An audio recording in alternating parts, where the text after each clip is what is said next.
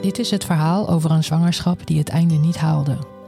Over wat er gebeurt als je baby zo vroeg wordt geboren dat ze zonder hulp van artsen niet zal overleven.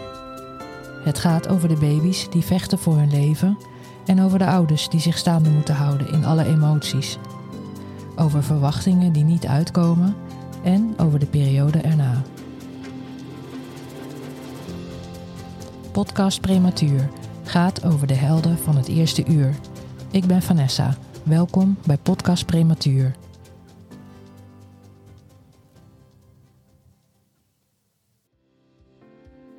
In de vorige aflevering heb ik verteld dat ik zelf in therapie ging nadat we uit het ziekenhuis thuiskwamen met Vince. Ik had last van herbelevingen en angstige gedachten. Ik zat niet lekker in mijn vel en daarnaast was ik heel erg moe. Daarom praat ik vandaag verder met psychotherapeute Anouk van der Laan over hoe een vroeggeboorte een psychologische impact kan hebben. Ook over hoe de stress over de gezondheid van je kindje je totaal lam kan leggen of juist heel scherp en fel kan maken. Wist je dat de kans op klachten van somberheid na een vroeggeboorte 40% is ten opzichte van 10% bij op tijd geboren kinderen? Een op de drie moeders ontwikkelt posttraumatische stressklachten die soms nog langer dan een jaar na de bevalling aanwezig zijn. Anouk is niet mijn therapeute, maar ze is wel gespecialiseerd op het gebied van gehechtheidsrelaties en trauma's. Ze heeft een eigen praktijk in Alkmaar en is moeder van drie zonen en een dochter. Anouk, eh, stel jezelf even voor. Ja. Nou, ik ben dus uh, therapeut en uh, uh, sinds 2017 vrij gevestigd van mezelf. En ik behandel eigenlijk, ben zowel ge, ik heb psychotherapie gericht op volwassenen en kinderen en jeugd gedaan. Dus ik doe de hele range. Dat vind ik ook belangrijk, omdat het staat niet los van elkaar. Mm als je volwassenen behandelt, dan heb je oog voor waar ze vandaan komen. En zoals een collega laatst tegen mij heel mooi zei, als je met het kind bezig bent, dan heb je al oog voor de volwassene die die gaat worden. Hmm. En um, um, in mijn praktijk uh, bied ik dus verschillende behandelingen, maar het is heel veel werk ik vanuit um, het uh, hechtingsperspectief. Dus zet ik ook de therapeutische relatie in als een, een eigenlijk een, relatie waarin je ja, gericht op dat je opnieuw kan leren vertrouwen op de ander. En het versterken van de hechtingsrelaties met belangrijke anderen van de mensen die zich bij mij aanmelden. Dus dat je altijd, ook als je iemand individueel ziet, altijd oog hebt voor het systeem waarin hij zich bevindt. Het gezin, relatie, ouders waar die vandaan komt, of waar die mhm. nog woont, of zij. En daarnaast heb ik dan um, um, een soort eigen affiniteit met zwangerschapsgerelateerd trauma. Dus behandel ik veel moeders die uh, rondom een zwangerschap en bevalling dingen hebben meegemaakt die anders liepen dan dat, je had, dan dat ze hadden gehoopt. Hmm. Die we als zo vanzelfsprekend nemen als, uh, hmm. als we dat niet uh, kennen. Dus daar hebben we het echt over als we het over vroeggeboorte hebben. Ja, hmm. zeker. Dan gaat het eigenlijk al over de mensen die zich bij jou hebben aangemeld. Um, ik praat natuurlijk uh, vaak met ouders van prematuur. ik denk dat we het vooral over de moeders hebben. Ik ben altijd nieuwsgierig naar de periode als ze al een tijdje thuis zijn met het kindje. Ik merk gewoon dat heel vaak dingen gewoon weggemoffeld worden. Uh, als je niet lekker in je vel zit, dat, dat dan wordt verklaard met van nou, we hebben een hele zware periode achter de rug. Uh, we zijn net thuis, ik moet gewoon rusten. en het komt vanzelf wel goed.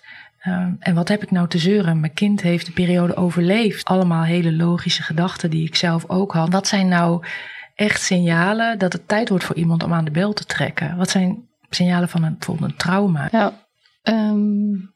eigenlijk wat je noemt, hè, een van de eerste dingen is: wat heeft het nog voor zin om erbij stil te staan? Heel vaak is dat eigenlijk een vermijdingsstrategie om te voorkomen dat je je opnieuw zo rot voelt en signalen dat, je, dat er dus eigenlijk nog veel klachten zijn. Die beginnen bij, um, uh, die zijn heel breed, want iedereen reageert anders op trauma, maar er zijn een aantal overkoepelende dingen waar, die je zou kunnen zien. En dat is um, dus de vermijding, vermijden van um, het gesprek erover. Of de gevoelens die erbij komen kijken. Dus dat je het heel zakelijk vertelt, maar dat je eigenlijk voelt: ik ben alleen nog maar een pratend hoofd in plaats van dat je contact mhm. maakt met je lijf. Um, uh, maar ook letterlijke vermijding. Dus dat uh, bijvoorbeeld de ene ouder de, uh, eigenlijk altijd ervoor zorgt dat de andere ouder de ziekenhuisbezoeken doet, omdat de confrontatie met het ziekenhuis te hevig is. Hmm. Dus dat plaatsen en plekken worden vermeden. Of gezinnen met aterme geboren baby's en het geluk wat daarvan afstaat. Dus dat het eigenlijk onmogelijk is om daar contact, mm. dus de vermijding van dat. Pijnlijk om dat ja, te zien. dat het eigenlijk te pijnlijk is en dat ze dus daarin vermijden. Dat zegt iets over uh, hoeveel uh, emotie er eigenlijk nog is. En daar kan je dus echt mee um, aan de slag. Maar soms is het, hè, dus dit, dit zijn dingen, maar soms uh, wordt het, kenmerkt het zich veel meer in lichamelijke reacties. Dus hele ernstige vermoeidheid of juist heel veel hartkloppingen, het gevoel van paniekaanvallen. Mm. Um, altijd hoog in de adem zitten. Concentratieverlies zie je ook vaak. Dus dat het eigenlijk net te doen is om de dagelijkse dingen te doen. En eigenlijk geen ruimte om um, uh, nou, nog aan, aan, andere dingen te denken. Dus vergeetachtigheid en concentratieverlies. Mm -hmm. Dat zie je vaak. Dromen, nachtmerries. Of, ofwel bewust of dat je het merkt omdat je zwetend wakker wordt. Dus dat zijn, dus het zijn um, eigenlijk op allerlei gebieden verschillende signalen die, um, die ja, wel normaal zijn, een normale reactie zijn op een abnormale situatie. Mm. Maar dat betekent niet dat je, dat je daarmee hoeft te, door te leven. Want dat zegt iets over hoe ontregeld je systeem is, hoe hyperalert je eigenlijk bent geworden. Mm. Of hoe afgevlakt, want dat is de andere kant. Somberheid, gevoelig, uh, gevoelens, afvlakking. Um, dus het gevoel dat je vervreemdt van de mensen om je heen. Dat je er eigenlijk juist ook over de gewone dingen niet meer kan praten. Dat je het gevoel hebt dat niemand toch begrijpt waar jij doorheen gaat. Dus dat je je leven eigenlijk heel klein en thuis houdt. Mm-hmm. Waarbij je ja, dus ook de blije gevoelens niet meer zo goed uh, toestaat. Dus het is een hele brede range van signalen. Die allemaal heel logisch zijn als je zoiets hebt meegemaakt. Mm. Um, dus dat klopt. Van ja, het is toch ook, we hebben een zwaarte, dat klopt. Het is ook een reactie op wat je hebt meegemaakt. Maar dat betekent niet dat je daarmee hoeft te leven. Het wordt te veel als vanzelfsprekend aanvaard. Ik voel me, nou ja, misschien niet top, maar hè, het komt wel. Ja. Ik hoor daarin wel vaak als ik daarnaar vraag van, nou, ik heb het geprobeerd. Ik heb, ben naar iemand toegestapt, maar er was geen klik. En die persoon wist niet wat vroeggeboorte inhoudt. En nou, dan hield het voor mij sowieso al bij op. Ik had zelf ook een mismatch met iemand. En en uh, toch via via uh, terechtgekomen bij een uh, therapeute. En dat was gelukkig een hele goede match. En ja, ze heeft mijn leven totaal veranderd. Echt op een schaal van 1 tot 10 kwam ik met een 2 of 3 binnen bij haar. En ik zit inmiddels op een 8, 9. dus ik ben haar echt heel dankbaar daarvoor. zijn er, is de oplossing daarvoor, bedoel, zijn er therapeuten die uh, wellicht zelf ervaringsdeskundigen zijn. zijn. Zijn die er in Nederland of wellicht centra? Of... Nou, zo exact gericht op prematuren heb ik dat zelf eigenlijk niet um, uh, eerder gehoord. Ik mhm. weet wel dat er heel veel um, uh, initiatieven zijn van de laatste jaren. Het is echt wel van de laatste jaren om gerichte behandeling rondom zwangerschap en uh, um, bevalling en uh, dus de trauma's die daar zich kunnen uh, afspelen. Er is ook de, in combinatie met uh, ook een steeds grotere toename van IMH, Infant Mental Health specialisten, die zich heel erg richten op het belang van die eerste um, duizend dagen, zeggen ze geloof ik.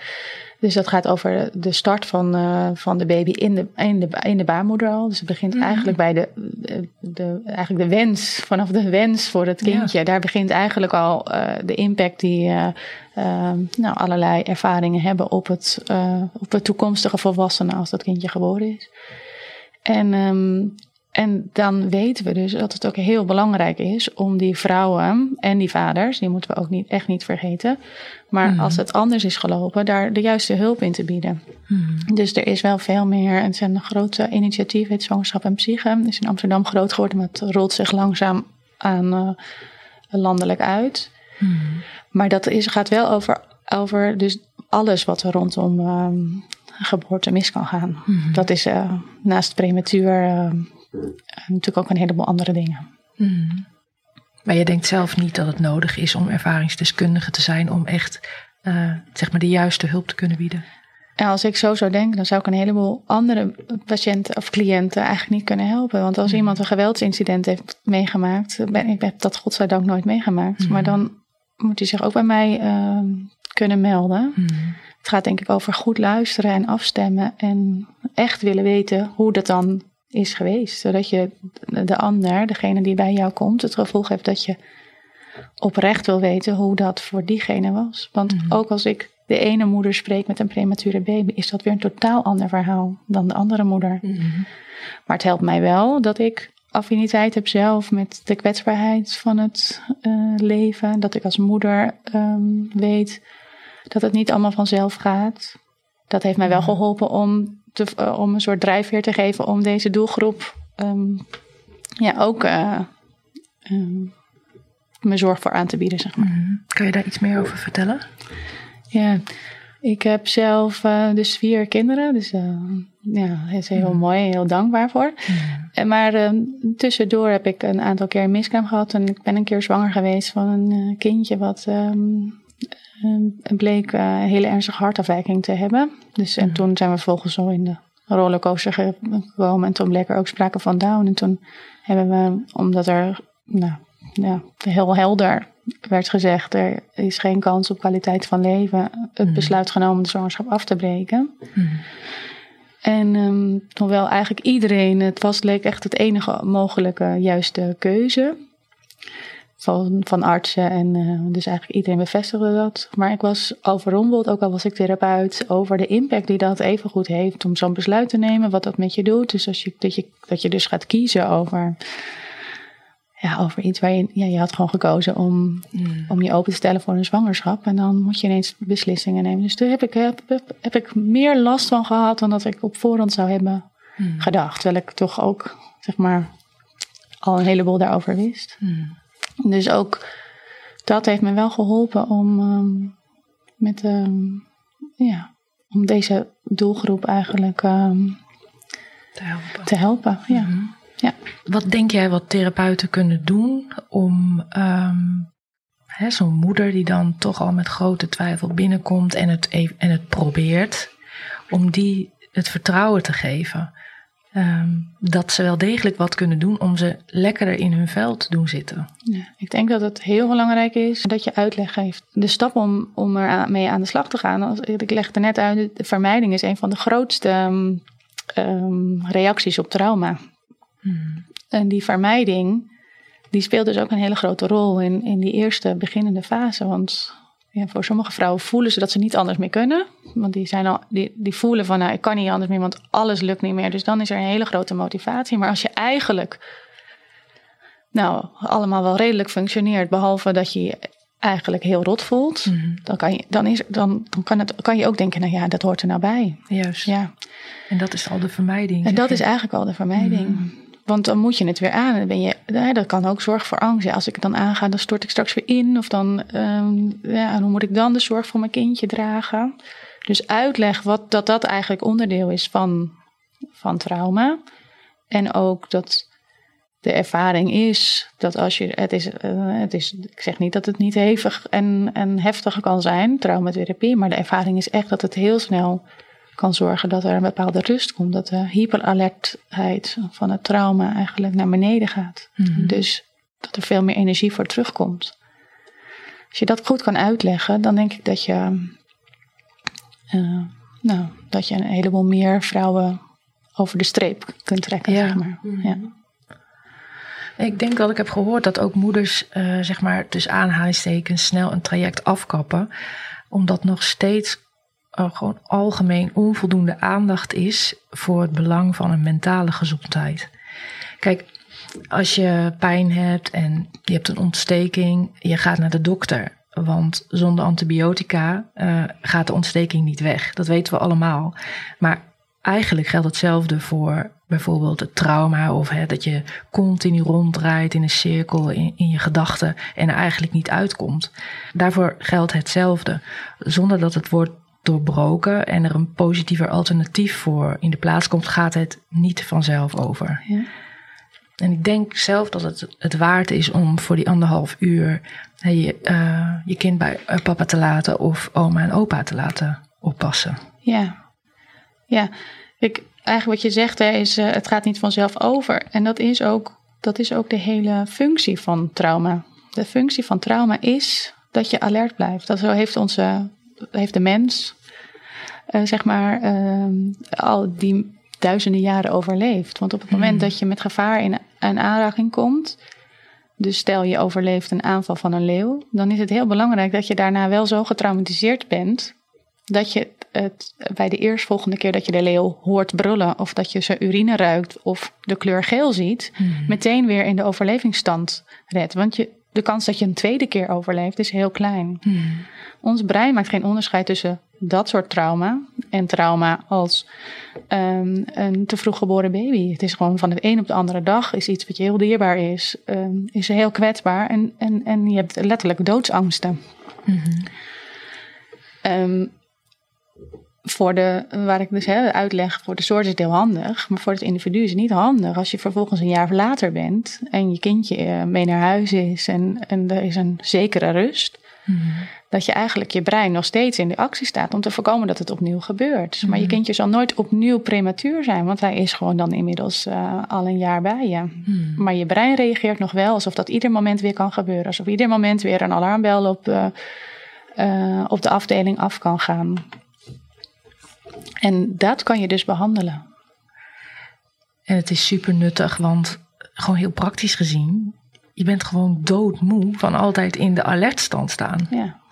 Dus alleen dat al, dat, dat je meer energie overhoudt. Ja. En als het gaat, hè, want dat herken ik natuurlijk, uh, heel veel moeders vinden het uh, lastig om, om iets voor zichzelf te doen ten koste van de kinderen. Mm maar je doet het ook voor de kinderen. Je doet het juist uh, voor, of als je er eentje hebt, maar ook als je er meer hebt. Je doet het om te zorgen dat je beter in je vel komt te zitten, waardoor je beter kan afstemmen en waardoor je, als het gaat over reguleren, zelf beter reguleert. Dus ook je kindje beter kan leren reguleren. Want dat kindje heeft ook een heleboel meegemaakt. Mm En die heeft jou nodig om, om het vertrouwen in de wereld opnieuw te krijgen. Mm en als jij je vertrouwen in de wereld beter terug kan krijgen door anderhalf uur therapie mhm. voor jezelf te vragen. Per week dan wel. Met één keer anderhalf uur ben je er niet. Ja, dan komt het ten goede Dan van, komt het ten goede van, iedereen. En dus ook van het kind. En je partner ook. En je partner. Iedereen om je heen. Ja. ja. ja. En we hadden het net over dat, dat je dus in die alertstand staat. Hè? Door, door, dat, door dat trauma. Eh, voor als het nog een keer gebeurt. En dan komt het in me op natuurlijk. Dus het is eigenlijk ook heel heel goed om die therapie te ondergaan. Want als we het hebben over vrouwen die een tweede zwangerschap nog, eh, nog willen na de vroeggeboorte, dan sta je eigenlijk al 1-0 achter, heb ik zo voor mijn gevoel, als je zo getraumatiseerd een volgende zwangerschap ingaat. Zeker. En dat is dus, en dan, dan um, zonder, eh, ik ben altijd voorzichtig, want ik wil moeders geen rotgevoel geven. Maar dat is dus voor het tweede kindje wat in je buik komt ook al van impact. Die krijgt eigenlijk al mm. angst mee wat niet bij die baby hoort. Mm. Dus, um, dus ook dan is het uh, voor jezelf, uh, dat, dat, is een worsteling voor heel veel moeders, hè, voor, uh, waarbij het niet goed gegaan is, um, mm. om, om het weer te durven. En dan is het heel fijn als je dan uh, inderdaad jezelf daar ondersteuning bij uh, geeft. En als je dat niet na de zwangerschap van de eerste hebt gedaan, dan gun het jezelf dan tijdens die tweede zwangerschap om steeds onderscheid te maken tussen wat is van toen en wat is van nu. Mm. Dat is dat, en, want dat doet een getraumatiseerd brein niet. Die maakt geen onderscheid tussen toen en nu. Die reageert alsof het nu weer opnieuw plaatsvindt. Mm. Zou je zelf, zelf zo ver willen gaan dat Um, dat het zelfs invloed kan hebben op de kwaliteit van de tweede zwangerschap. Ja, zover Fysisch. zou ik. Ja. Hmm. ja. Ik wil het graag hebben over heel feitelijk op een schaal van 1 tot 10.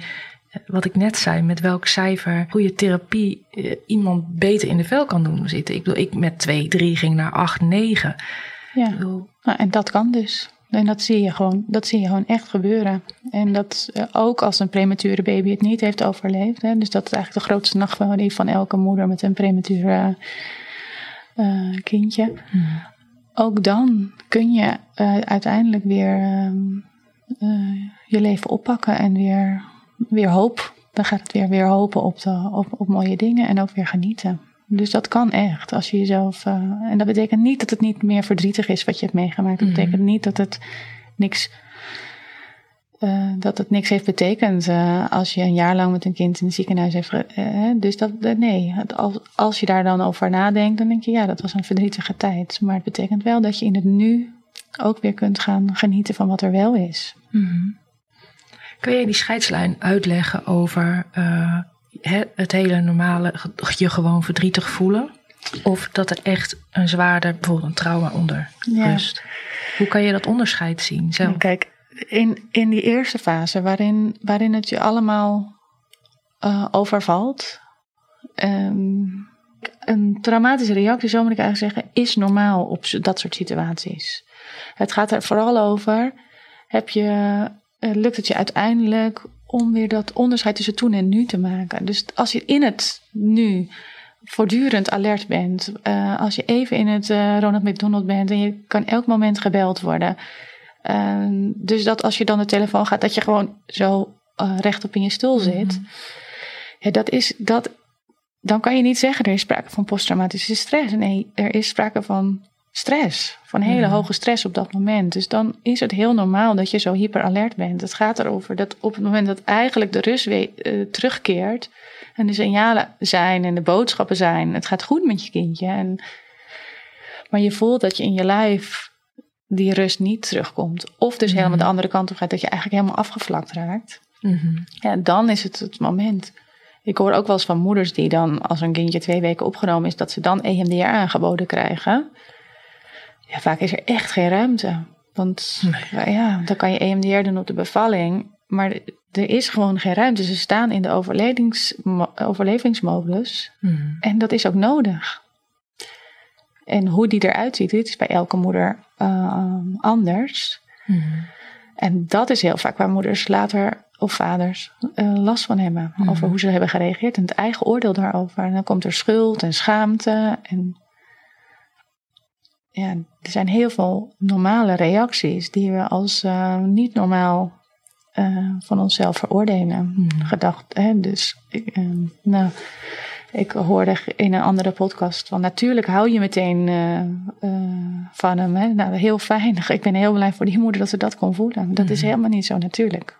Dat je gelijk van je dat kindje je gelijk van je kindje houdt. Dat is, dat is, voor, mhm. dat is een, dat gebeurt dan niet bij, uh, niet bij elke moeder die een kindje a terme, die a terme bevalt. Maar dat gebeurt zeker heel vaak niet als een kindje prematuur ter wereld komt. Vrouwen waren nog helemaal niet aan toe, worden overvallen.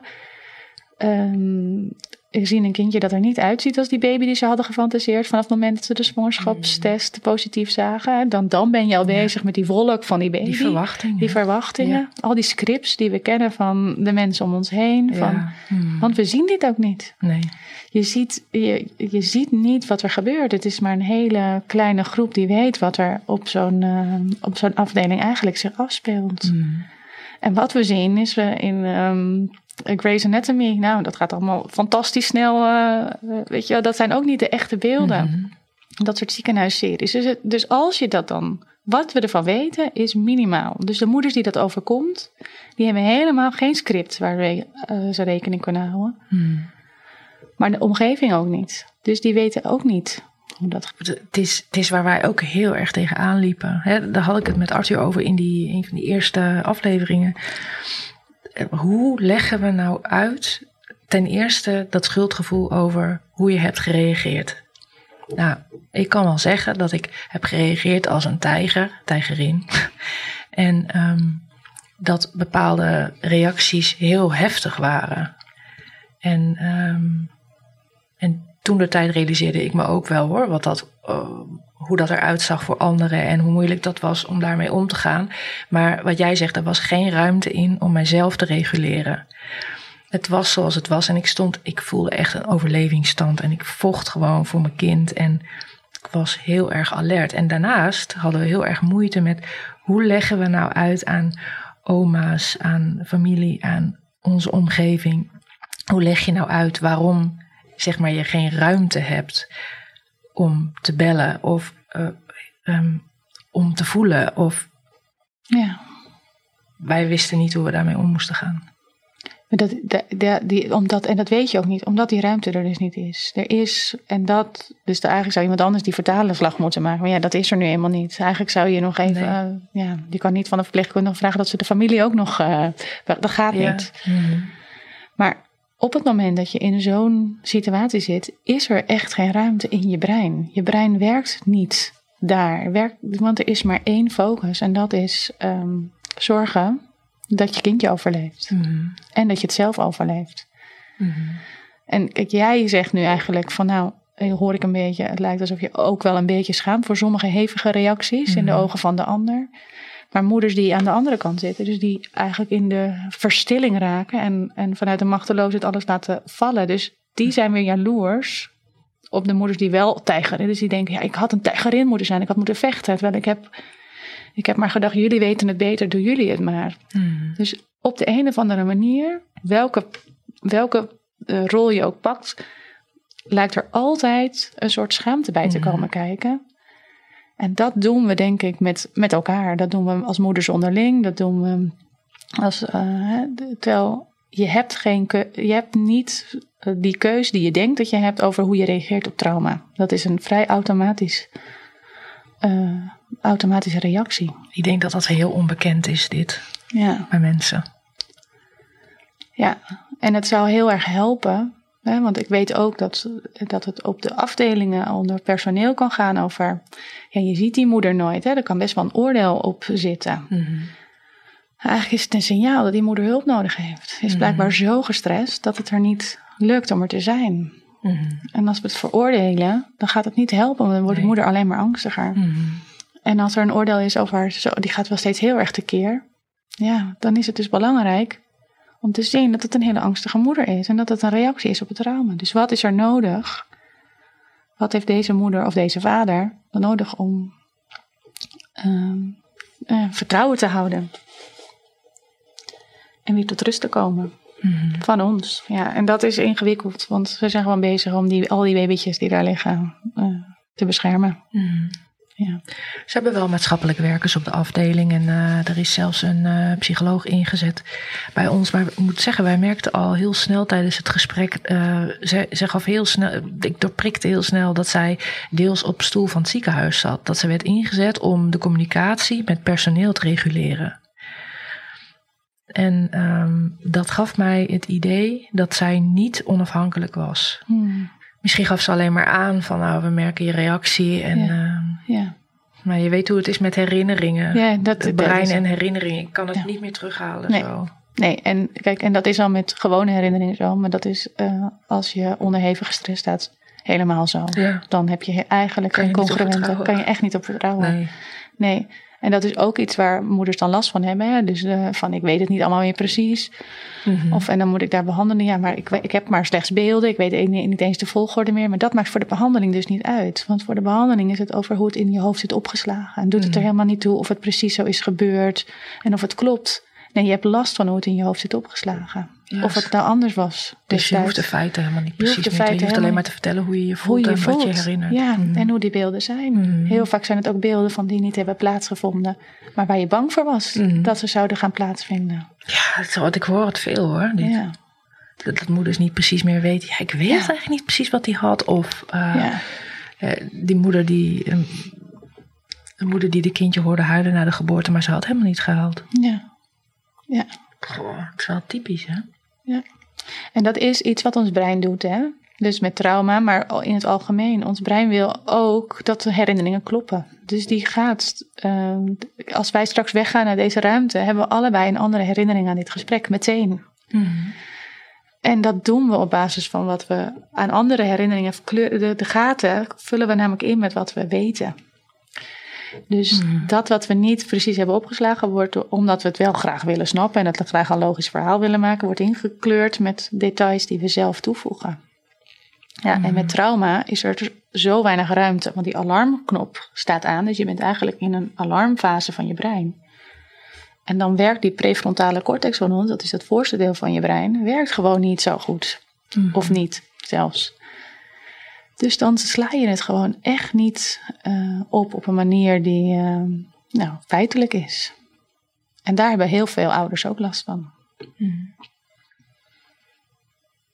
Denk je dat, denk je dat verpleegkundigen hier weet, eh, genoeg kennis hierover hebben? Over hoe het uh, psychologisch werkt in nou, het brein? Dat weet ik niet. Ik denk dat het heel erg verschilt. Waar ook, hè, dat gaat ook weer over wat verpleegkundigen zelf leuk vinden, waar ze zichzelf in willen specialiseren. Maar het is niet standaard opleidingsstof. Nee, ja, niet, nee, nee, niet. Ik denk wel een beetje. De fight, flight of fright komt tegenwoordig overal wel in voor.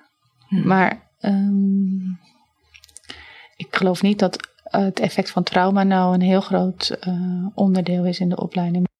Kan je heel feitelijk vertellen over hoe therapie eruit ziet? Ja, um, eigenlijk niet, omdat ik dus niet, omdat ik het dus belangrijk vind om af te stemmen op de cliënt die voor me zit en elk verhaal is anders. Uh, maar de grote lijn is dat, je, dat zoals ik werk, dat er, er is eerst een intake, dus dan leer je, uh, hè, dan neem je het grote verhaal even zo door rondom zwangerschapsgerelateerde problematiek. Dus bij vroeggeboortes ga je wel vrij snel inzoomen op gewoon die gebeurtenis. Dus dan is de aanmeldreden, ik heb een uh, kindje die prematuur geboren is. Dus dan ga je met dat verhaal aan de slag en dan maak je eigenlijk een plan. Dan kijk je wat is er nu nodig. En het liefst start je zo snel mogelijk met traumabehandeling, omdat dat gewoon heel snel effecten heeft. Op het moment dat we dus de traumabehandeling kunnen uh, inzetten, start je eigenlijk met een tijdlijn maken. Kijk, EMDR heeft een heel erg standaard protocol wat heel goed werkt. Er is gewoon heel goed over nagedacht, is uitgewerkt. En dat zet, uh, zetten we meestal in. Maar bij sommige vrouwen uh, wijken we daar toch ook weer van af. Hmm. En dan zijn er ook andere uh, strategieën die al, hè, dus heb je ook nog schrijfopdrachten, schrijftherapie, je hebt uh, imaginary exposure en rescripting. Dat zijn allemaal termen net als EMDR. EMDR is op dit moment wel eigenlijk de eerste keus. Maar je kijkt van wat is er nodig. Je kijkt wat is er nodig om die vrouw in dit geval hmm. te helpen om afstand te creëren tussen toen en nu. Zodat je met, met meer rust kan kijken naar wat er is gebeurd. En dan gaat het vooral ook over voelen dat je nu wel weer controle hebt. Voelen dat je eigenlijk gedaan hebt wat je kon. Voelen dat je mild mag zijn naar uh, de keuzes die je destijds maakte in de stress en met de kennis van toen. Dat is het effect wat zorgt voor die stijging op die lijn. Waarvan je zegt van ik kwam binnen met een 2 en ik, mhm. en, en, ik ging eigenlijk weg of ik sta nu op een 8 of een 9. Eigenlijk zou je zeggen, het scherpe randje haal ik er gewoon van af, van, van de emotie. Ik, de heftigheid van de emotie gaat wat omlaag. Ja. Het is niet meer alsof het gisteren was. Mhm. Dat is. Uh, Als een vrouw bij mij komt en, en, en, en nou, wat ik net ook zei, soms het verhaal en dan alle details en het is heel belangrijk. Maar vaak zitten in die details ook heel erg verstopt al die oordelen over zichzelf of wat er is misgegaan. En ja, het kan heel, wat ik heel vaak zie gebeuren, dat er een ander verhaal ontstaat. Een verhaal waarbij wordt gezegd, in plaats van. Um, uh, ik had met een moeder erover, had ik ook gezegd: Mag ik dit vertellen? Waarvan ze eerst zei: Ja, ik was gewoon zo in de ontkenning. Wat, en daar zo boos over zijn. Ik was zo in de ontkenning dat ik eigenlijk aan het bevallen was. En nu kan zien door de EMDR-therapie en met de gesprekken die we hebben gehad, dat ze die ontkenning nodig had om dat te gaan doen wat het allermoeilijkst was, namelijk een bevallen van een mm. prematuur kindje. Ze had het gewoon nodig om zich daarop voor te bereiden. Omdat als ze zich had gerealiseerd op dat moment wat er echt was gebeurd, was ze waarschijnlijk helemaal aan de andere kant, was ze zo angstig geworden. Mm. Dus ze had het nodig, de ontkenning. En dan kan je dan nog en als daar dan de boosheid maar op zit en dus het oordeel, wat uiteindelijk leidt dus ik ben dus geen goede moeder bijvoorbeeld, of ik heb het niet goed gedaan, ik ben geen goed mens. Hmm. Dat zijn gedachten waar je dan last van houdt in je, in je dagelijks leven. Hmm. En als je niet behandelt nu, dan kan ook dat zomaar terugkomen als je kindje al een jaar of 16 is en voor het eerst uh, de kroeg in wil. Dan kan de machteloosheid en het controleverlies en kan zomaar weer opnieuw mm. uh, parten spelen. Mm. En heel feitelijk, hè? Kan je, kan je vertellen hoe zo'n EMDR-sessie gaat? Ja, nou, wat je doet is eigenlijk, je gaat op, je, je kiest een moment. Dus uh, er zijn, eh, zeker bij prematuren zijn natuurlijk heel veel momenten. Dus daar maak je eigenlijk, je maakt een soort keuze en je gaat je kiest met elkaar en geeft ook controle aan de ander waar we mee starten. Maar je zegt wel vaak of, of een van de eerste of een van de heftigste herinneringen Maar soms start je juist, als het heel beangstigend voelt, juist met een wat mildere herinnering, zodat iemand kan voelen wat is het effect van EMDR. Mm. Maar dan kies je eigenlijk een moment van, van, van, wat, van één dag. Laat je degene vertellen van nou vertel me nou eens um, van in grote lijnen wat er die dag is gebeurd. En dan haal je de herinnering op. En dan ga je met de cliënt help je via het protocol wat we dan hanteren. Om helemaal in te zoomen op dat moment wat nu nog het uh, meeste spanning oplevert. En, mhm. en daar zoom je helemaal op in. En dan ga je op zoek naar welke negatieve gedachten die je daarbij hebt en gevoelens nou maken dat dat nog zo naar is. En dat is inclusief plaatjes die er dus eventueel later zijn bijgekomen, zeggen we dan. Dus dat kan ook een mhm. plaatje zijn uh, wat zich helemaal niet heeft plaatsgevonden, maar de angst uh, wat, of wat er had kunnen gebeuren. Dus mhm. beelden die je hebt gehoord van anderen, waar je nog niet bij was, um, omdat je misschien net te laat op de afdeling was, of de angst dat, het toch, dat je eigenlijk het kindje verloren uh, was. Dus dat hij het had, zou hebben opgegeven. Dat zijn ook plaatjes die traumatiserend kunnen werken. Soms zijn het dromen die daarna hebben plaatsgevonden. Dus nachtmerries. Daar kan je ook nog EMDR op inzetten. Hmm. Nou, dan kies je dat. En dan, ja, dan geef je dus de oogbewegingen. zijn heel bekend. Het heet ook eye movement desensitization reprocessing. Dus dat is, hmm. gaat over oogbewegingen. Maar we volgen ook heel vaak uh, bijvoorbeeld klikjes toe in de oren. Of... Um, en, uh, trilling in de handen. Trillen, trillen in de handen of tappen op de handen of um, um, een woord van achterstevoren ja, van, ja, zeker. Of, uh, of uh, ingewikkeld tellen. Eigenlijk naar hoe, ja, dat is eigenlijk aan de therapeut om te zien van wat heeft um, de cliënt, ja, wat heeft, wat heeft degene die tegenover is nodig om te zorgen dat, um, dat, het, dat dat brein, dus dat die prefrontale cortex, dat die weer ruimte krijgt om actief te worden. Dat is eigenlijk wat je wil. En dat is, ja, dat is een ingewikkeld proces. Ik vind het makkelijker om dat uh, te tekenen, bijvoorbeeld die uitleg. Maar dat is wat je doet. Dus dan ga je inzoomen en dan laat je eigenlijk alle associaties komen. En in eerste instantie is de emotie hoog. En dan zie je dat door dat uh, toevoegen van die neutrale stimulus, dat eigenlijk de lading zakt. En dat nogmaals, het is niet zo dat je de herinnering vergeet. Het is niet zo dat hij niet meer verdrietig is of pijnlijk.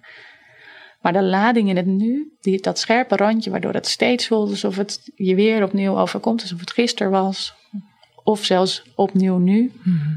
dat gaat eraf. Mm En dan creëer die afstand tussen toen en nu. Mhm. En dan geef ruimte. Het is ook heel makkelijk te testen eigenlijk, hè? want eh, je kan gewoon vragen van nou, als je daaraan terugdenkt, ja. nou wat voel je op een schaal van 1 tot 10? Ja, klopt. Ja. En dat is ook, het, uh, ik doe het dus ook met kinderen en die vinden het altijd een soort toveren. En het is, het ook altijd heel mooi en wonderlijk om te zien hoe het werkt en hoe, uh, ja, wat, wat, er, wat er aan zelfgenezend vermogen eigenlijk wordt mhm. aangeraakt bij degene die tegenover je zit. Je hoeft maar weinig te doen. Je moet wel heel uh, goed alert zijn, maar en degene met wie je werkt goed in de gaten houden en de mhm. juiste dingen vragen. Maar als het proces helemaal loopt, mm, wat we ook heel veel doen, is eigenlijk ook al die jonge kinderen EMDR aanbieden via de ouders. Maar dan moeten de ouders wel eerst zelf ook echt goed hun eigen trauma's hebben verwerkt. Maar dan heb je een hele mooie methode waarin je eigenlijk ook het trauma kan behandelen van het hele jonge kind. Zelfs als hij nog geen woorden heeft. Dan vertel, maak je eigenlijk met ouders het verhaal. En je kan, wat, wat je met volwassenen doet, ga je helemaal in. Kan de volwassene zeggen: ja, dat is het voor mij het naarste plaatje nu. Dat weten we niet van kinderen. Dus dan gaan we eigenlijk heel erg kijken van nou, wat denken we? Dus dan maak je eigenlijk een heel compleet verhaal. Waarbij je heel erg de sensomotorische herinneringen ook uh, benoemt. Want daar is natuurlijk heel veel. Dat felle licht, de geluiden, de, de, piepjes, de paniek op de afdeling als het met een ander kindje niet goed gaat. Dat heeft die kinderen krijgen toch ook een heleboel van die stress mee. Nog los van hun eigen complicaties of ademstops. En um, uh, dus die benoem je dan en dan vertel je dat verhaal aan het kind, wil je ook een, en dan heel vaak een fysieke uh, prikkel geeft. En dan zie je uh, Nee, dus het is, heel, het is heel kort, maar het is bij kinderen is het ook vaak eh, maar een paar keer nodig. Omdat ze gewoon uh, ook heel, ja, heel veerkrachtig zijn. Ook mentaal, want dat brein is ook heel veerkrachtig. Wat je ziet natuurlijk bij die prematuurtjes, hoe ja, je denkt het kan bijna niet. Hmm. Wat ze dan weer herstellen. Dat zie je ook als het gaat over trauma bij jonge kinderen. En dan kan je echt, um, zie je echt als trauma de ontwikkeling ook in de weg zat. Dus eigenlijk de de energie die het kost om om te gaan met die trauma's in het lijf, eigenlijk die wordt opgelost door zo'n EMDR eh, e via ouders, samen met ouders. Dat je ook uh, ontwikkelingssprongen ziet bij kinderen.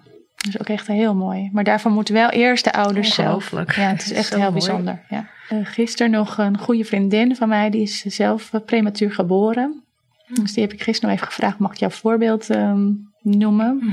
Zij heeft toen ze al begin dertig was nog um, uh, therapie gehad waarbij ze een beeld van in een veel verlichte ruimte, steeds een angstdroom die steeds maar terugkwam.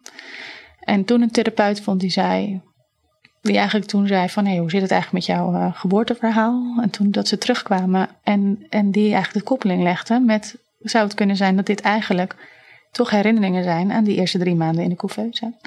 En toen heeft ze daar EMDR op gehad. En het is, daarna is er een gevoel van basis, onveiligheid voor een heel groot deel weggenomen. Hmm. Dus het is ook nooit te laat. Dat, vind ik, dat wil ik daar vooral ook mee hmm. zeggen. En trouwens ook, ze weten gewoon zoveel meer wat de impact is op die kindjes. We hadden ze een couveuse nagebouwd op, volwassen grootte. Zodat volwassenen die dat hadden meegemaakt, uh, daarin konden liggen om eigenlijk dat opnieuw te voelen. Maar ook voor ouders om, en, en artsen om te beseffen hoe is het eigenlijk om in zo'n hmm. zo'n bak te liggen. Wat hmm. gebeurt daar? En dat was ook in combinatie met dat dus van die vriendin, dat ik dat verhaal ook zo, uh, zo meeneem in mijn eigen werk. Mm. Uh, ik dat ook heel veel zie. Ik heb, ik heb gewoon ook heel veel uh, meer pubers, waarbij je ziet dat het geboortetrauma van zo'n grote impact is geweest op hun ouders en, en op hunzelf. En dat zijn nog waar heel veel mensen niet aan denken, maar de impact op uh, seksuele relatie tussen partners is ook vaak heel groot. Hmm. Angst om weer te vrijen, de teleurstelling in het lichaam van je. Omdat hè, heel veel vrouwen geven toch hun lijf de schuld als er een uh, kindje te vroeg geboren is. Hmm. Um, uh, soms niet, niet met hun gedachten, maar wel is er wel eigenlijk ja, het gevoel alsof je afgesplitst bent van die hele onderbuik en die baarmoeder. Dat er helemaal geen ruimte meer voor is. Dus laat staan dat je dan kan genieten van vrije. Nou, dan zijn dat ook nog hele belangrijke dingen om daarna op te pakken. En samen de partner daar ook bij te betrekken. Ik denk dat dit ook uh, iets is waar niet openlijk over gesproken wordt. Nee. En ook niet iets is waar je aan denkt van... hé, hey, kunnen we dat verbeteren? Hm. Nee, er ligt ook een taboe op. En schaamte. Ja. Ja, terwijl het... Uh, ja toch heel, ook heel belangrijk is om, om daarover te, uh, met elkaar in gesprek te gaan en te zorgen dat je die veiligheid in je lijf weer gaat voelen. Ja, voor sommige mensen is, uh, is seksualiteit een manier om, om niet te voelen. Dus die, dan is het juist de manier om ermee om te gaan. Maar voor anderen is het gewoon onmogelijk om nog in dat lijf te zitten. Omdat je dan gaat voelen waar je eigenlijk nog verdriet over hebt. Hmm. En ja, dat zijn allemaal dingen waar we niet zo met elkaar normaal over praten. Waar ik in de therapie wel over praat met vrouwen, maar wat niet zo gewoon is om oh, moeders onder elkaar te delen, vaders onder elkaar te delen. Nee. Kijk, je hoort natuurlijk vaak, überhaupt als je gewoon een op tijd geboren kindje hebt gekregen, je hoort sowieso dat uh, ja, de seksfrequentie sowieso wat omlaag gaat. Dan, ja.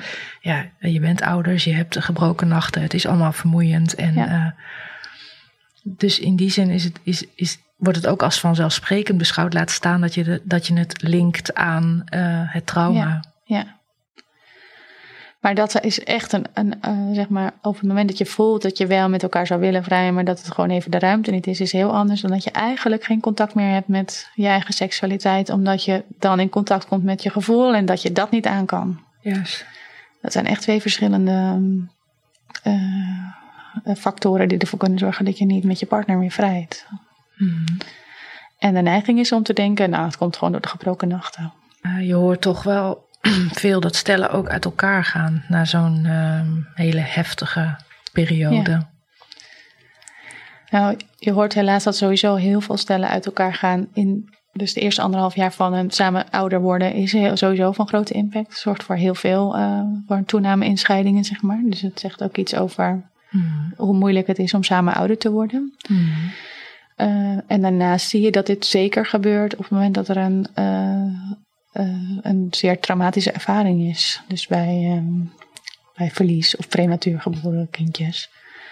En dat gaat over, nou als ik het puur over prematuur, is er eigenlijk ook sprake van rouw. Er is rouw over alles, al die scripts waar ik het over had, die zo mm. vanzelfsprekend uh, leken, die je niet meer krijgt. Je krijgt nooit meer die kraamweek. Je krijgt die waar je, waar je naar verlangde. Je krijgt nooit, um, uh, nooit meer dat de eerste uh, stapjes niet beladen zijn, maar alleen maar feestelijk. Uh, alles, alles heeft een soort lading gekregen, omdat het niet meer vanzelfsprekend is. Mm -hmm. um, en dat daar, dus nog los van het overleven, is dat ook rouwen over dat, dat wat je niet um, gekregen hebt. Waar je wel zo, ja, gek genoeg toch nog steeds eigenlijk van uitgaat als je zwanger raakt. Mm -hmm. En gelukkig maar, want anders als we hiervan uitgaan dat dit ook kan gebeuren, dan wordt het ook wel uh, ja, heel uh, lastig om, denk ik, uh, nog ontspannen zwangerschappen te hebben. Hè? Dus mm. het is ook goed dat we een soort ontkenning hebben.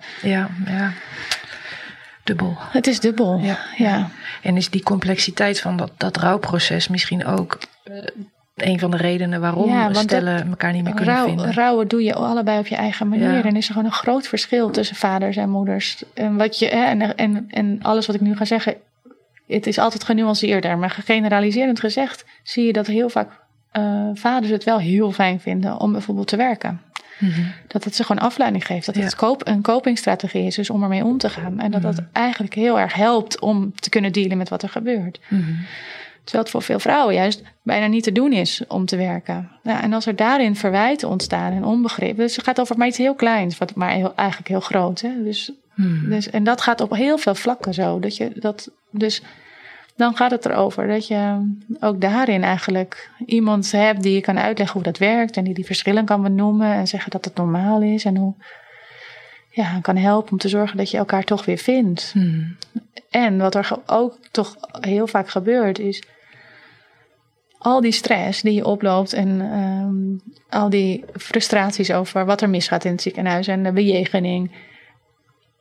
We hebben toch, uh, je zegt ja, ik heb als een tijgerin en ik heb misschien soms me niet gedragen zoals ik achteraf had gewild. Mm. Maar dat was nodig voor, in, dat, in die situatie en het, in die toestand waarin ik was. Mm. Maar heel vaak komt het dat juist ook bij de partners terecht. Dus, de, dus dan is er even een moment van rust met z'n tweeën. Want nou ja, relatieve rust. Want je laat je kindje even achter en je gaat samen eten of je gaat mm. samen slapen. Maar alle boosheid en frustratie komt toch het makkelijkste uit bij de mensen die het dichtst bij je staan. Mm. Omdat we het bij de anderen toch nog een beetje weghouden. Dus dat is opgekropt. Dus er komt ook heel veel frustratie en boosheid terecht bij je partner, die daar eigenlijk niet hoort. Dus in die zin heb ik het goed gedaan dat ik het heb nou, gebot. zou je bijna denken, ja. ja. ja. zeker. Ja, want dat gebeurt ook echt heel, ja, het is ook een heel logisch fenomeen. Dat het, dat het naar de partner lekt. Mm-hmm. Wat je eigenlijk nodig hebt, is een knuffel van elkaar. Mm-hmm. Maar dan ga je voelen. Dus ruzie maken is ook weer een manier om niet nou ja, allemaal dat soort. Het is allemaal gecompliceerd. Wat ik zei, het zijn geen, geen wetten, maar het zijn allemaal complicerende factoren. Mm-hmm. Waarbij het helpt als je erover kan praten en iemand je kan uitleggen wat, no wat normale uh, reacties zijn op abnormale situaties. Mm-hmm. Nou, je hebt eigenlijk al heel veel adviezen gegeven. Mm. Maar ik vraag altijd, ja. tot slot, ja. uh, wat zou je ouders van prematuren willen meegeven? Voor nieuwe ouders, dus als, als een ouder dit zou horen en, zich, en net ouder is van een prematuur, mm. dan zeg ik, als dat zou kunnen, zorg dat je er bent. Mm. Onderschat echt niet hoe belangrijk jij bent en, en hoe nodig het is dat er, uh, ja, dat er één expert is en dat zijn jullie. Of dus twee experts, maar de mm. ouders zijn de expert. Vertrouw erop dat je dat bent. Ik wist niet dat de prefrontale cortex niet goed werkt in geval van een hoge mate van stress. Dat ik zo hyperalert op de NICU zat, is eigenlijk iets waar ik zelf niet veel aan kon doen. Dit helpt me om wat milder tegen mezelf te zijn als ik terugdenk aan de tijd op de NICU. Alle signalen die Anouk benoemt herken ik wel. Vermijden kon ik zelf alleen niet meer omdat ik me zo slecht voelde. Maar het gekke is, is dat ik me nu pas realiseer hoe slecht ik mij toen voelde. Maar ik wist wel dat het vanzelf niet over zou gaan. Ik schaam me niet voor het feit dat ik nog altijd in therapie ben. Ik kan het alleen maar aanraden. Ik zie ook niet op tegen de gesprekken, sterker nog, als ik haar een tijd langer dan gebruikelijk niet spreek, dan mis ik het gesprek. Ik wist ook niet dat EMDR-therapie ook mogelijk is bij hele jonge kinderen. Ik merk nog niks van een trauma bij Vince, maar het geeft me wel een veilig gevoel dat ik hem op die manier ook kan helpen, mocht het nodig zijn. Een ander inzicht dat Anouk me gaf is dat je na de vroeggeboorte ook een proces van rouw doorgaat. Het verlies van mijn ideaalbeeld van een zwangerschap, bevalling en kraamtijd. Mijn zwangerschap was niet fijn. Op de ochtend van mijn ziekenhuisopname heb ik nog een foto gemaakt voor de spiegel. Je begon net pas te zien dat ik zwanger was. Dat beeld kan me nog steeds verdrietig maken. Dat de zwangerschap daar stopte. Dat al mijn verwachtingen als een kaartenhuis in elkaar stortten. Dit is dus een apart rouwproces. Eerder had ik wel het gevoel dat ik nog een keer zwanger moest worden om de slechte ervaring uit te wissen of zo. Maar de ervaring of Vins leed zou ik er helaas nooit meer mee uit kunnen wissen. Anouk had het ook over een artikel dat ze voorbij had zien komen. Over hoe een couveuse is nagemaakt op volwassen grootte. Dat lijkt me wel wat. Ik probeer hem graag uit. Podcast Prematuur over de helden van het eerste uur. Gemaakt door mij, mama van zo'n held. Podcast Prematuur is gemaakt in samenwerking met de Podcastcentrale in Alkmaar. Op de website podcastprematuur.nl zijn afleveringen te beluisteren, foto's te bekijken en is meer informatie te vinden. Volg ons ook op de socials via Podcast Prematuur. Ik zou heel graag van jullie horen.